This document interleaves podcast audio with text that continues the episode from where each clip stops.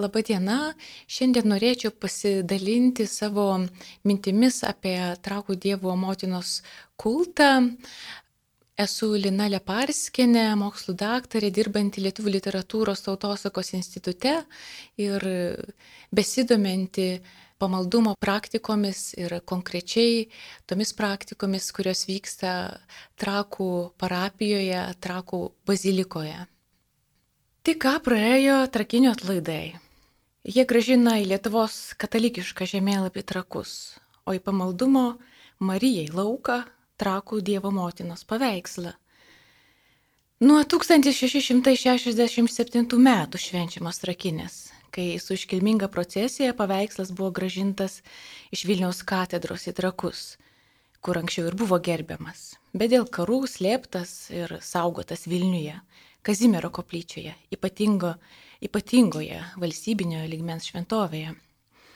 Ir praėjus 50 metų trakinės įgyja dar didesnę reikšmę, nes jos nuo 1718 metų vainikavimo popiežiaus siustomis karūnomis tampa liudijimu, kad Lietuvos didžiosios kunigaikštystės piliečiai, tauta šitą paveikslą įvertina kaip tiesioginį ryšį tiek su dieviškumu, su Dievo motina, kuri globoja šitą šalį ir jai priskiria tokį net ir, sakykime, ne tik dievišką, bet ir politinį vaidmenį.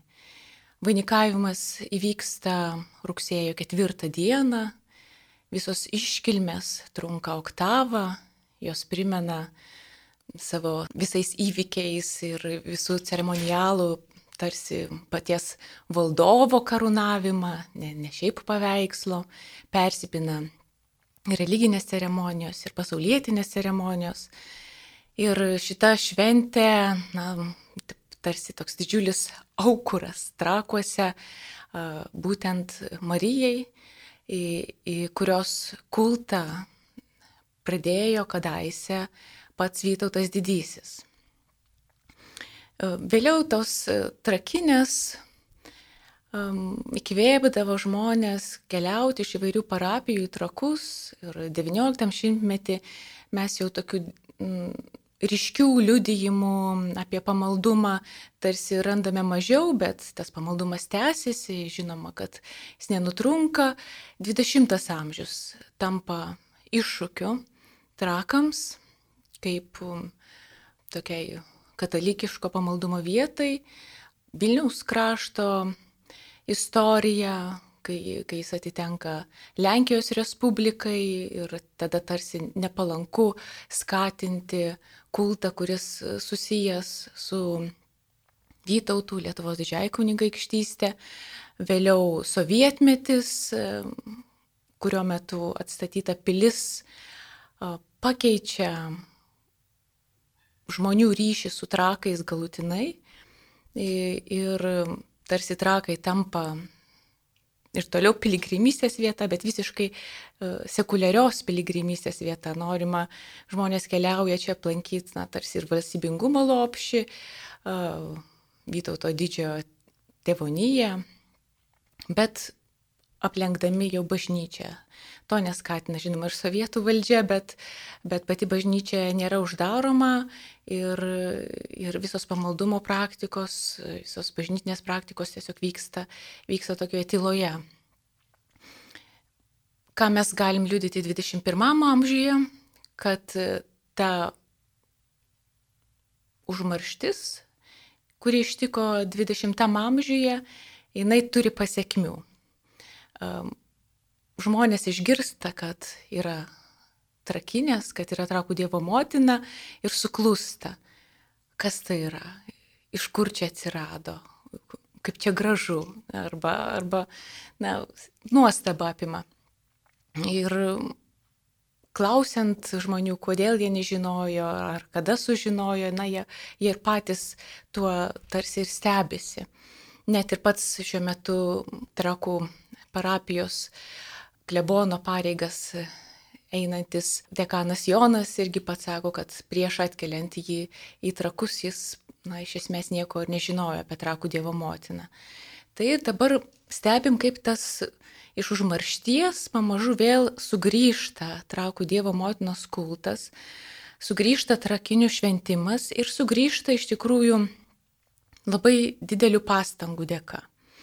Um, asmeninių klebono pastangų dėka, iš tikrųjų labai didelio indėlio istorikų, meno istorikų, religijos istorikų, kurie lab, iki nu, smulkiausių dalykų ištyrinėjo atvaizdo istoriją, jo kitimą, jo visus estetinius momentus ir, ir tai yra didžiulė dovana, nes iš esmės galim pasakyti, kad šiuo metu apie, apie trakos esantį Dievo motinos paveikslą žinoma be galo daug. Žinome, jeigu skaitome, jeigu domimės, jeigu mus to žinios e, paliečia, emocijas paliečia protą. Šiais metais aš asmeniškai pradėjau tyrimą.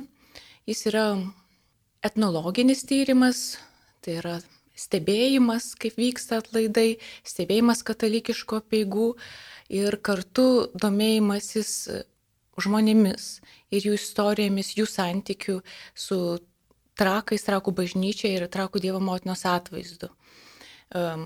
Visas aštuonias atlaidų dienas buvau bažnyčioje, taip pat dalyvau piligriminėme žygyje ir tiesiog rūpėjo suprasti, o kas vis tik vyksta. Ar jau tas kultas yra atgyjas, ar dar daug darbo reikia dėti, o galbūt jis liks toks ne, galbūt nepalyginamas su, su Šiluvos ar Žemaičių kalvarijų atlaidais, bet savitas, toks stilesnis, santūresnis. E, tik pradėjus tyrimą, viena parapijietė tarsi pasergėjo mane sakydama, kad tik nespręsk apie šiuos atlaidus iš šių metų tyrimų, na, kadangi žinome ir viruso, tas iššūkis e, sumažina maldininkų kiekius. Bet dalykas tas, kad kulto atsigaivinimą jau stebiu iš pradžių visiškai neturėdama to tikslo nuo 2006 metų, O dabar jau turėdama tikslą jau irgi porą metų gan, gan intensyviai ir galiu pasakyti, kad jis iš tikrųjų toks banguojantis yra ir nėra dar tvirtas, bet savo kelio ieškantis. Ir sakyčiau, tai šiek tiek atliepia ir pačių katalikų bendruomenę, kuri, kuri irgi įsilieja žmonės ir, ir su senom tradicijom iš kartos į kartą paveldėtų pamaldumų ir žmonėmis, kurie ieško savo kelio ir religinio ir savo asmeninio, tai tarsi, tarsi pamaldumas trakų Dievo motinai, na, šiandien iliustruoja galbūt ir katalikų bendruomenės tokią situaciją ir, tų, ir tradicijų paveldimumą ir kartu ieškojimą. Ką galėčiau pasakyti iš to, kam kasdien teko matyti per atlaidus, kad tokie išoriniai pamaldumo e, bruožai, kurie priskirtini konkrečiai trakų Dievo motinai, tarsi gan ryškus yra. Na, pačioje pradžioje pamaldų paprastai būna gėdama gesmė e, Stasio Įlos žodžiais, e, atspindinti tokią na, tarpukario lietuvių santykių su Marija ir tam tikrą modernios lietuvių tautos istorinę atmintį. Ir štai pagal tuos gesmės žodžius, o motin kiek vargų patyrėm, karų ir priespaudos laiku, užtarki kenčiančią tėvynę, palengvink nerimą žmonių, Tai vad tokios eilės atspindi tarsi 19-20 amžiaus lietuvių tautos tokius istorijos epizodus, gan skaudžius karus, tremtis, okupacijas. Ir tie įvykiai mus lietuvius pavertė tokiais pasyviais, skriaudžiamais istorijos veikėjais ir suteikė tai tapatybei tokio graudulio. Ir jeigu mes lyginsime vas, štai šitą giesmę su ta legenda ir to pasakojimu, kurį 17 amžiuje pritaikė Trakų Dievo motina ir jai paskyrė e, Lietuvos didžiosios kunigaikštystės na, veikėjai. Tai, kad čia šitas paveikslas yra imperatoriaus, Bizantijos imperatoriaus Emanuelio Paleologo antrojo dovanotas Vytautui, tarsi ir linkint pergalių, nes tai Nikopėja, pergalingoji Marija. E, tai yra, matom, tarsi tokį skirtumą tarp dabartinių intencijų ir tų, tų senųjų, senosios lietuvių tautos intencijų. E, toliau, vykstant mišioms, na, pamokslo metu kunigai kartais prasitarė daugiau, kartais mažiau, kad trakų Dievo motina ypatinga istoriškai yra, e, nors per visą savo stebėjimo laiką vos keletą pamokslų išgirdau, kur taip, taip labiau įtvirtina į tokį istorinį pasakojimą. E, po to būna malda trakų Dievo motinai, senoji malda kalbama, jinai raiškiau visada iš, ištariama jau vietos parapiečių, atėję maldininkai ją mažiau žino. Ir po to vyksta paukojimas Lietuvos švenčiausiai Megelės Marijos širdžiai, tas paukojimas nuo, nuo 18 metų jau vyksta, kai minėjom e, Lietuvos valstybės atkūrimo šimtmetį, vyksta visada tos senosios mišios lotynų kalba ir piligriminis žygis. Tai tarsi, tarsi gan nebloga puokštė liudinti konkrečiai trakų Dievo motinai na, skirtus tokius pamaldumo gestus. Ir vis tik bendraujant su žmonėmis, kurie ateina į pamaldas, išriškėja, kad, na, tas pamaldumas stovi tarsi ant vienos kojos, kad to istorinio demens vis tik labai, labai trūksta. Trūksta tiek tos gelmės, to atsiremimo į tą patį 17 amžių, į tos pačius net ir Vytauto laikus. Ir kiekvienam paveikslui reikalinga na, jo, jo kilmės istorija, na, jį tarsi pagrindžia ir įprasmina. O trakų Dievo motinos paveikslui tai ypatingai svarbu, nes uh, jis glaudžiai susijęs su Lietuvos istorija. Per jį apskritai galima perskaityti uh, Lietuvos istoriją, tą katalikišką būtent tos istorijos puslapį. Ir abu dalykai, tas, tas šiuolaikinis pamaldumas ir istorinė gelmė, istorinė atmintis yra šito paveikslo gerbimo na, ateitis, nulems tą ateitį. E, tai bendraujant su, su žmonėmis, nu, iškilo tai, kad labai retas, kuris iš tikrųjų žino tą praeitį, e, o žino daugiausia tie, kurie būtent nuo seno praktikuoja ir nėra išgyvenę tam tikros uh, užmaršties. Tai atradau tokią piligrimų grupę, uh, kuri, na, bendruomenę galime pavadinti, kuri trakus žygiuoja gerokai seniau negu uh, jaunimas Vilnius viskupijos jaunimas. Jis šiuo metu organizavo 14 žygį ir ben, ta senoji bendruomenė piligrimų jau irgi įsilėjo jaunimo žygį, nors jie jau pradėjo dar 20 amžiaus pabaigoje keliauti. Tai jie daugybę Marijos vietų Lietuvoje ir už Lietuvos ribų yra aplankę ir kiekviena jų kelionė yra na, pagrista tiek, tiek pamaldumo praktikomis senosiomis maldomis, tiek žinojimu, kur einama ir kodėl einama ir koks Marijos titulas ir, ir kokią ten intenciją prie konkretaus atvaizdo atėjus galima išreikšti. Ir apie tai, kad pirmasis popiežiaus karūnomis vainikuotas paveikslas ir kad nuo Vytauto laikų gerbiamas, jie tą galėjo paminėti. Tuo tarpu bendraujant su jaunimu, kuris žygiavo šitame piligrimystės žygyje, šitoje eisenoje, tai buvo įdomu nustebinti tą jaunimą. Manęs paklausė, kodėl aš einu, sakau, kad Aš einu todėl, kad man įdomu istorija, man tarsi vat, prisilietimas prie istorijos keliaujant šituo istoriniu keliu.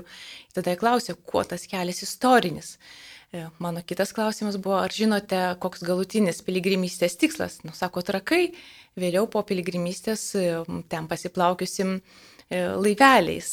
Tai ir kaip papasakoji, kad keliaujame į, į vietą, kur viena pirmųjų Lietuvoje katalikiškų šventovių, trakų švenčiausios mergelės apsilankimo bažnyčia, kad seniausias gerbiamas atvaizdas, kad pirmasis vainikuotas atvaizdas, kad vienintelis turintis Lietuvos globėjos titulą atvaizdas, tada būna toks nustebimo šūkis ir kodėl aš to nežinojau, visai su kita dar nuotaika, dar šventiškesnė nuotaika, eičiau į tą, tą, tą trakų bažnyčią.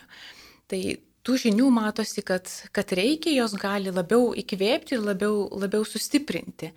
Galiausiai tas jaunuolis irgi užsiminė svarbų dalyką, kad jam įspūdį paliko vyskupo gintaro palaiminimas nuo aušros vartų koplyčios ir kad tas palaiminimas privertė pasijausti tarsi toks išleidžiami šitie žmonės į svarbų kažkokią svarbų kryžiaus žygį, į kažkokią misiją. Tai vad tie gestai, kurie eina iš aukščiausio katalikų bažnyčios ligmens, jie yra svarbus ir, ir žinant trakų Dievo motinos atvaizdo istoriją, kad jo kultas visada buvo susijęs su e, valstybiniu lygmeniu, na ir dabar tai tarsi būtų aktualu ir, ir padėtų sustiprinti e, prasme tų pamaldumo praktikų, tų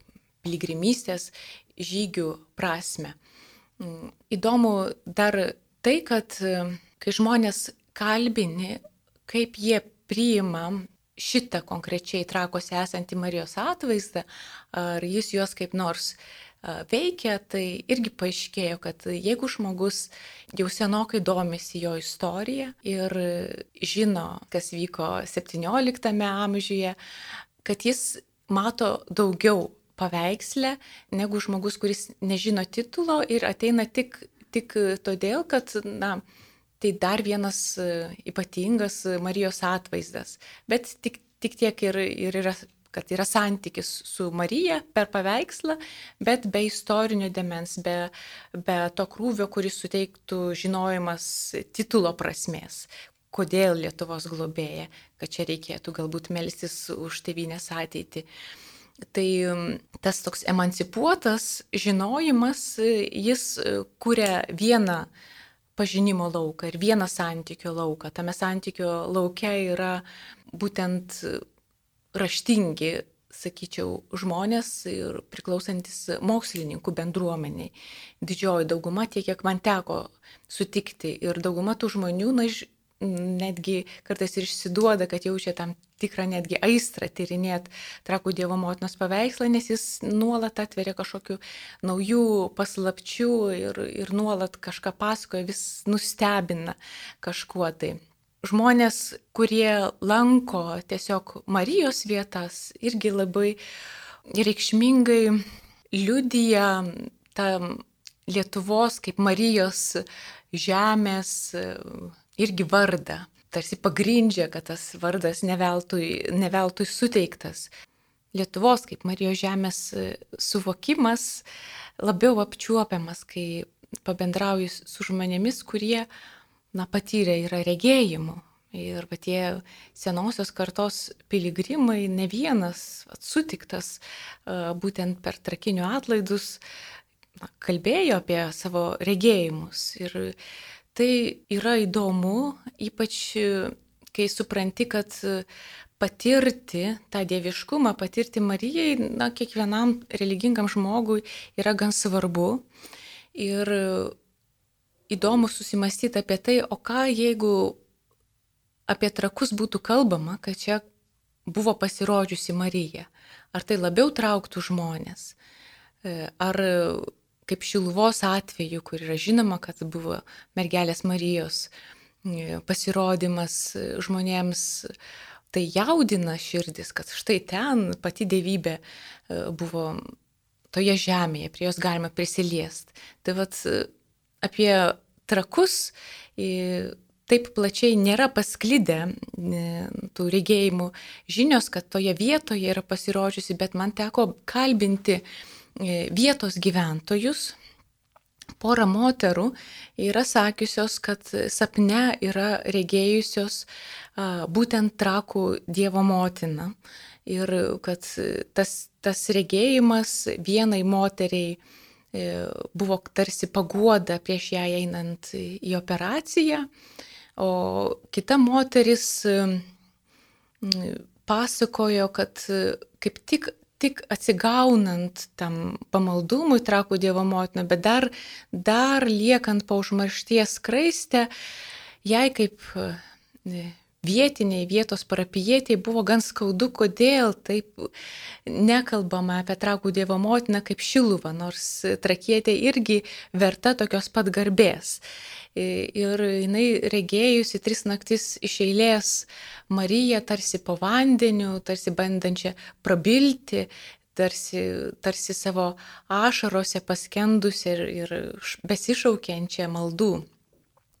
Tai, tai yra įdomu ir tai galėtų stiprinti tokie dalykai ateityje irgi na, pamaldumą ir norą ateiti į trakus ir galbūt irgi patirti savų nepaprastų patirčių. Malonių klausimas e, vėlgi yra atskiras, kaip patirti malonę žmogui abejojančiam, ar, ar jinai aplanko, ar vis tik tai reikia e, šimtų procentų tikėti. Man kaip žmogui religingam, bet pakankamai ir sekuliariam, dažnai kyla tokie klausimai susijęs to mistiniam patirtim. Kas tai yra, tai gan, gan netai paprastai paaiškinama. Bet kai skaitai vėlgi 17 amžiaus šaltinius, kai atsiverti Simono Mankievičiaus, Trakų klebono knygelę apie Trakų Dievo motinos stebuklus 17 amžiuje, tai na, matai, kad tie stebuklai buvo įspūdingi ir, ir iš mirusiųjų atgaivinami žmonės ir įvairiausios lygos išgydomos. Žmonės, kurie ten ateidavo, tikrai galėjo įvairiausių dalykų patirti. Ir dabar klausiant žmonių, ko, jie tikisi, ar tikisi kažkokios malonės ir stebuklų, tai dažniausiai tikimasi gan tokių paprastų psichologinių netgi e, dalykų, kaip susitaikymo, ramybės, e, tarsi ir palinkėjimo, galbūt ir šaliai, ir savo šeimai kažkokios gerovės, tokie, tokie vis, visuotiniai prašymai E, žinoma, aš tiek daug žmonių neišklausinėjau, kiek ateina su konkrečiom intencijom, kad pagyt, pasveikt. Tai galiu matyti, kad atsiranda vis daugiau uh, naujų votų, o jų priskaičiuojama jau per istorinį laiką prisikaupusių virš tūkstančių ir tai liūdė, kad žmonės čia vis tik tai patiria stebuklus e, ir kažkas įvyksta jų gyvenime, tam tikri pokyčiai. Tai čia būtų įdomu irgi kada pažiūrėti, kokie tie stebuklai vyksta šiuo metu. Ar, ar tai tik tai vat, malonės nura, susijusios su sielos nuraminimu, ar vis tik kažkas labai apčiuopiamo, na, vat, kažkokios kojos pasveikimas, nežinau, nuo lygos kažkokios pasveikimas ir taip toliau. Vienas iš, iš tokių e, malonės liudijimų tose votose priklauso ilgamečiui klebonui trakų, dabar monsinjorui Vytautui Pranciškui Rūkui, kuris jau čia ilgai toj bažnyčioje dirbo ir jis yra tas, kur kaip tik yra gyvas liudijimas, o kas vyko e, to pamaldumo užmaršties laiku. Kaip vyko tas tyliosios katalikiškos praktikos sovietmečių ir nepriklausomybės pirmais dešimtmečiais. Ir jo liudijimas, jo pasakojimai, jo patirtis prisideda prie istorinių naratyvų, tarsi papildo juos prie to, kad čia su Vytautu susijęs paveikslas, prie to, kad tarpu karių galbūt į tą paveikslą jau, jau kreiptasi kaip į pagalbą aps, apsaugant tautą nuo nelaimių. Prisideda vat, monsinjoro Vytauto Pranciškaus liudijimas apie tai, kaip pavyko išsaugoti lobius tiek trakų dievų motinos karūnas, tiek, tiek kitus bažnyčios lobynus. E, darė, darydamas remontą bažnyčioje jis buvo informuotas, kad yra paslėpti tie lobiai karo metu ir kad toliau jau jam reikės juos saugoti. Ir jis mano, kad tik Dievo motinos pagalbos dėka išsaugoti pavyko, nes tą reikėjo daryti savo namuose, o nepriklausomybės laikotarpiu, kai na, padaugėjo įvairiausių vagysčių irgi tos, tie turtai, kol atsidūrė bažnytinė paveldo muziejuje, keliavo iš vieno seifo pas kitą, pas, į kitą, pas įvairiausius patikimus žmonės. Na ir tai neįtikėtinos istorijos, kaip visą tai pavyko. Ir tai yra galbūt ir tam tikras na, stebuklas, nes galėjo įvairiai susiklostyti. Tas pats e, Vytautas Pranciškus Rūkas yra liudėjęs ir kitą dalyką, kuris privečia susimastyti apie lietuvių ir lenkų pamaldumą, nes vis tik šitą Vilniaus žemę yra daugia tautė ir reikia atkreipti tai dėmesį ir ilgą laiką ir, ir Lenkijos Respublikai priklausė. Ir dauguma kaimuose gyvenančių žmonių yra lenkakalbiai ir jis pradėjęs čia kunigauti, susidūrė su tokia įdomia reakcija kai kurių moterų, kurios įvertino, jog jo vardas yra Vytautas ir nutarė, kad Vytautais yra pagoniškas vardas ir vargu ar šitas klebonas ką gero duos, nes vardas nekrikščioniškas.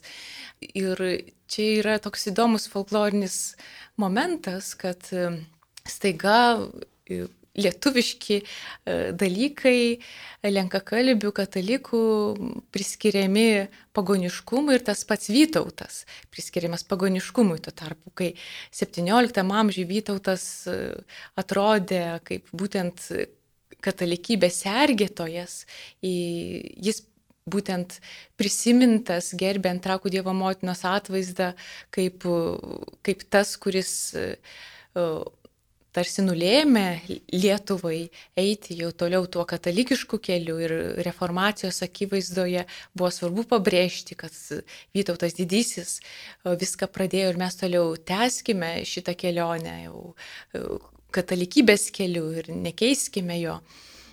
O staiga 20 amžiuje matome, kad Vytautas dinksta iš orbitos, jis pradedamas vertinti visiškai kitaip 20 amžiui labiau jam prigyja ne katalikų valdovo, tokio valdovo karžygio vertinimas. Ir dabar irgi klausiant žmonių, ar jiems atvykus į trakus ir atvykus į bažnyčią nekiltų noras pavyzdžiui, sukalbėti maldelę, kad ir už Vytautą didįjį, kuris yra šitos bažnyčios fundatorius ir vienas Lietuvos krikštytojų. Ir dažnai būna tokia nuostaba, kaip kuo, kuo čia Vytautas dėtas ir kodėl čia reikėtų už jį melstis. Nors dar penktam dešimtmetyje yra užrašas, kad trakų bažnyčioje ko gero vyko paskutinės pamaldos už Vytautą kaip fundatorių. Reiškia, tos pamaldos anksčiau dar, dar ir vykdavo, bet pamažu tas Vytauto įvaizdis nuo mūsų atitrunka nuo, nuo katalikiškos sampratos ir savarankiškai gyvena savo sekuliarų tokį gyvenimą gyvenimą. Ir klausimas, ar ir dabar jis sugrįžtų. Čia jau priklausys turbūt nuo, nuo Lietuvos katalikų bažnyčios pozicijos ir galbūt atsiradus tam tikroms pamaldoms už Vytautą, už fundatorių, už buvusius šie kunigaikščius, gal irgi tai kaip variantas, rekonstruojant kultą, tokiu būdu sugražinti ir senai naratyvą ir susijęti dabartį su praeitimi. Nes kas trakuose daugybę amžių jau vyksta tai, kad viena karta, dabarties karta susisieja su praeities kartom. 17 amžiuje Lietuvos piliečiai iškėlė Trakų Dievo motinos kultą, jie susijęjo save su Vytauto laikais. Mes dabar, gaivindami šitą kultą, bandom atrasti ryšį su to pačiu 17-18 amžiumi, su senaja Lietuvos didžiosios kunigaikštystės tauta bet ar su, susijęjam su, su Vytautu didžiuoju. Tai čia tokie dalykai, kurie na, tyrinėjant ateityje ir žiūrint, kaip vystysis tas kultas, į ką jis auks, kiek į jį įsiterps istorinių momentų, tai na, atveria tikrai daug, daug galimybių toliau gilintis ir stebėti tos žmonės, kurie ateina su savom intencijom ir stebėtis, e, kaip visa tai vyksta. O tiems Vytauto gerbėjams, na, būtų galima e, pasiūlyti užsukti į trakų bažnyčią ir sekuliariais tikslais, nebūtinai religiniais, nes trakuose galbūt galima ginčytis labiau, galbūt net negu pilyje, Vytauto pėdsakų na, yra gerokai tokia didesnė apimtis su Vytauto susijusių ženklų. Tai čia galima rasti ir Vytauto laikų sieninės tapybos likučių, čia galima rasti neįprasta Vytauto kaip fundatoriaus bažnyčios atvaizdais pavaizduotas kaip 17 amžiaus bajoras ir galime įsivaizduoti tą, tą tautą, kuri čia susirinkdavo 17 amžiuje prie Marijos paveikslo ir kurie, na, tai bajorai, didikai, kurie norėjo būti palaidoti prie prie šito paveikslo, nes kaip žinia, atliekant e, jau prieš 12 metų e, restauraciją trakų bažnyčios rasta daugybė palaidojimų e, pačioje, pačioje šventovėje, tarsi vat, kuo arčiau paveikslo, norint būti kuo arčiau paveikslo po mirties. Ir pats didysis altorius, kurio centre puikuojasi trakų Dievo motina, jis sukurtas taip, kad nuo, nuo paveikslo tarsi kyla akis aukštyn ir mes matome uh, didžiulę karūną. Jis viena vertus primena paveikslo karūnavimo iškilmės, bet kita vertus primena, kad paveikslas buvo karūnuotas iš dalies ir kaip uh, kompensacija neįvykusios Vytauto karūnacijos kadaise. Jis buvo planuota 1430 metais, irgi rugsėjo mėnesiui per mergelės Marijos gimimo iškilmes, tačiau e, to, to vainikavimo neįvyko, netrukus Vytautas išėjo Napilin ir bajorija to ilgai nepamiršo, į tos karūnos ilgėjosi. Ir per Marijos paveikslo vainikavimo iškilmes netgi būta tokių šūkių ant triumfo vartų, nes per iškilmes buvo rengiami triumfo vartai, kad iš Vytauto atimta tau suteikta. Ir tai čia sudėtos toje trakų bažnyčioje na, daugybės kartų uh, viltis ir, ir ilgesys galingos valstybės, valstybės, kuri nugali priešus, valstybės, kuri tęsia Vytauto darbus. Ir ta karūna, mes galim tikrai drąsiai sakyti, yra skirta tiek Marijai, tiek Vytautui, nuo kurio iš tikrųjų ir prasidėjo Marijos kultas kadaise Lietuvo žemėje. Tai vat, sekuliariems keliautojams irgi tai būtų gan įdomu, na, o katalikams, kurie ateina čia sukalbėti rožančiaus, um, įprastų maldų, galbūt atvyksta piligrimystės tikslais, irgi atkreipimas dėmesio į, į tuos ženklus paliktus e, praeities kartų, į tą pasakojimą trakų Dievo motinos e, apie Lietuvos istoriją, apie jos ryšį su Lietuvos krikščitoju e, Vytautu, apie tai, kad čia na, būtent Lietuvos krikščioniškų laikų pradžią menanti vieta, tai manau, tą tikėjimą arba ryšį su trakais e, galėtų sustiprinti ir galbūt net ir paskatinti keliauti tokiu aiškesniu, netgi tikslu ne tik dėl savo asmeninių prašymų, bet ir, na, melžiantis galbūt už Lietuvos ateitį arba šiaip apmastant savo šalį ir vietą joje.